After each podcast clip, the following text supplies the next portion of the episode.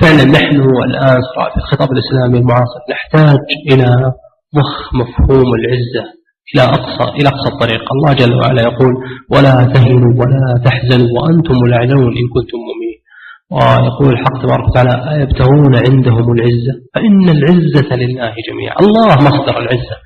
أخي الله شرفنا بهذا القرآن ما ما شرف به أمة من الأمم غيره. كلام الله صفته فيه أحكام وأخبار وحاجة الناس حاجة العالم إلى ما تحمله أنت من مبادئ أكثر من حاجتك أنت إلى ما يحملون هم من تقنيات واختراعات وعلوم. أنت بيدك بيدك بيدك أن تصحح مستقبلهم الأبدي. مقبلون على كارثة جهنم. مقبلون ضياع يعني أمم سادرة. لو تقل يوما من الدهر رب اغفر لي خطيئتي يوم الدين أمم تعيش في هذا المجتمع الغربي والشرقي لم تتلذذ يوما بمناجاة الله سبحانه وتعالى.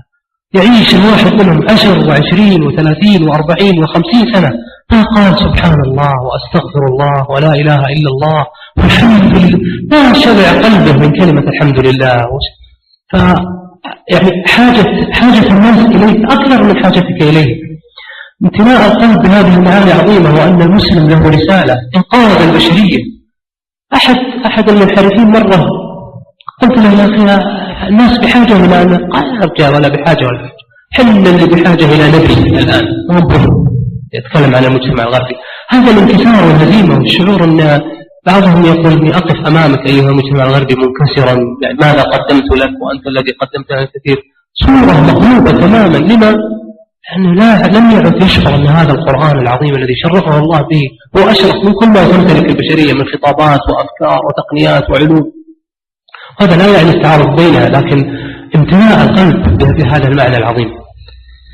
آه النبي صلى الله عليه وسلم لما دخل عليه عمر الخطاب وقد أثر في جنبه الشريف قال يا رسول الله آه لما جلس على الحصير قال يا رسول الله أنت فيما أنت فيه والروم وفارس فيما أنت فيه قالوا بالنبي صلى الله عليه وسلم. قال في شك في الخطاب ألا ترضى أن تكون لهم الدنيا ولنا الآخرة؟ عزة بالله ورسوله. والنبي صلى الله عليه وسلم يدخل على الصحابة فقراء يقول يغدو أحدكم إلى قديدة وعسفان فيتعلم آية خير له من ناقة قومه وآيتين خير له من ناقتين ويقول ركعتا الفجر خير من الدنيا وما فيها. هل هل هل يعيش القلب هذا المعنى أن ركعتا الفجر خير من الدنيا وما فيها؟ معاني إيمانية عظيمة تحتاج إلى أن يعيشها المرء. والله جل وعلا يعظم هذه المعاني.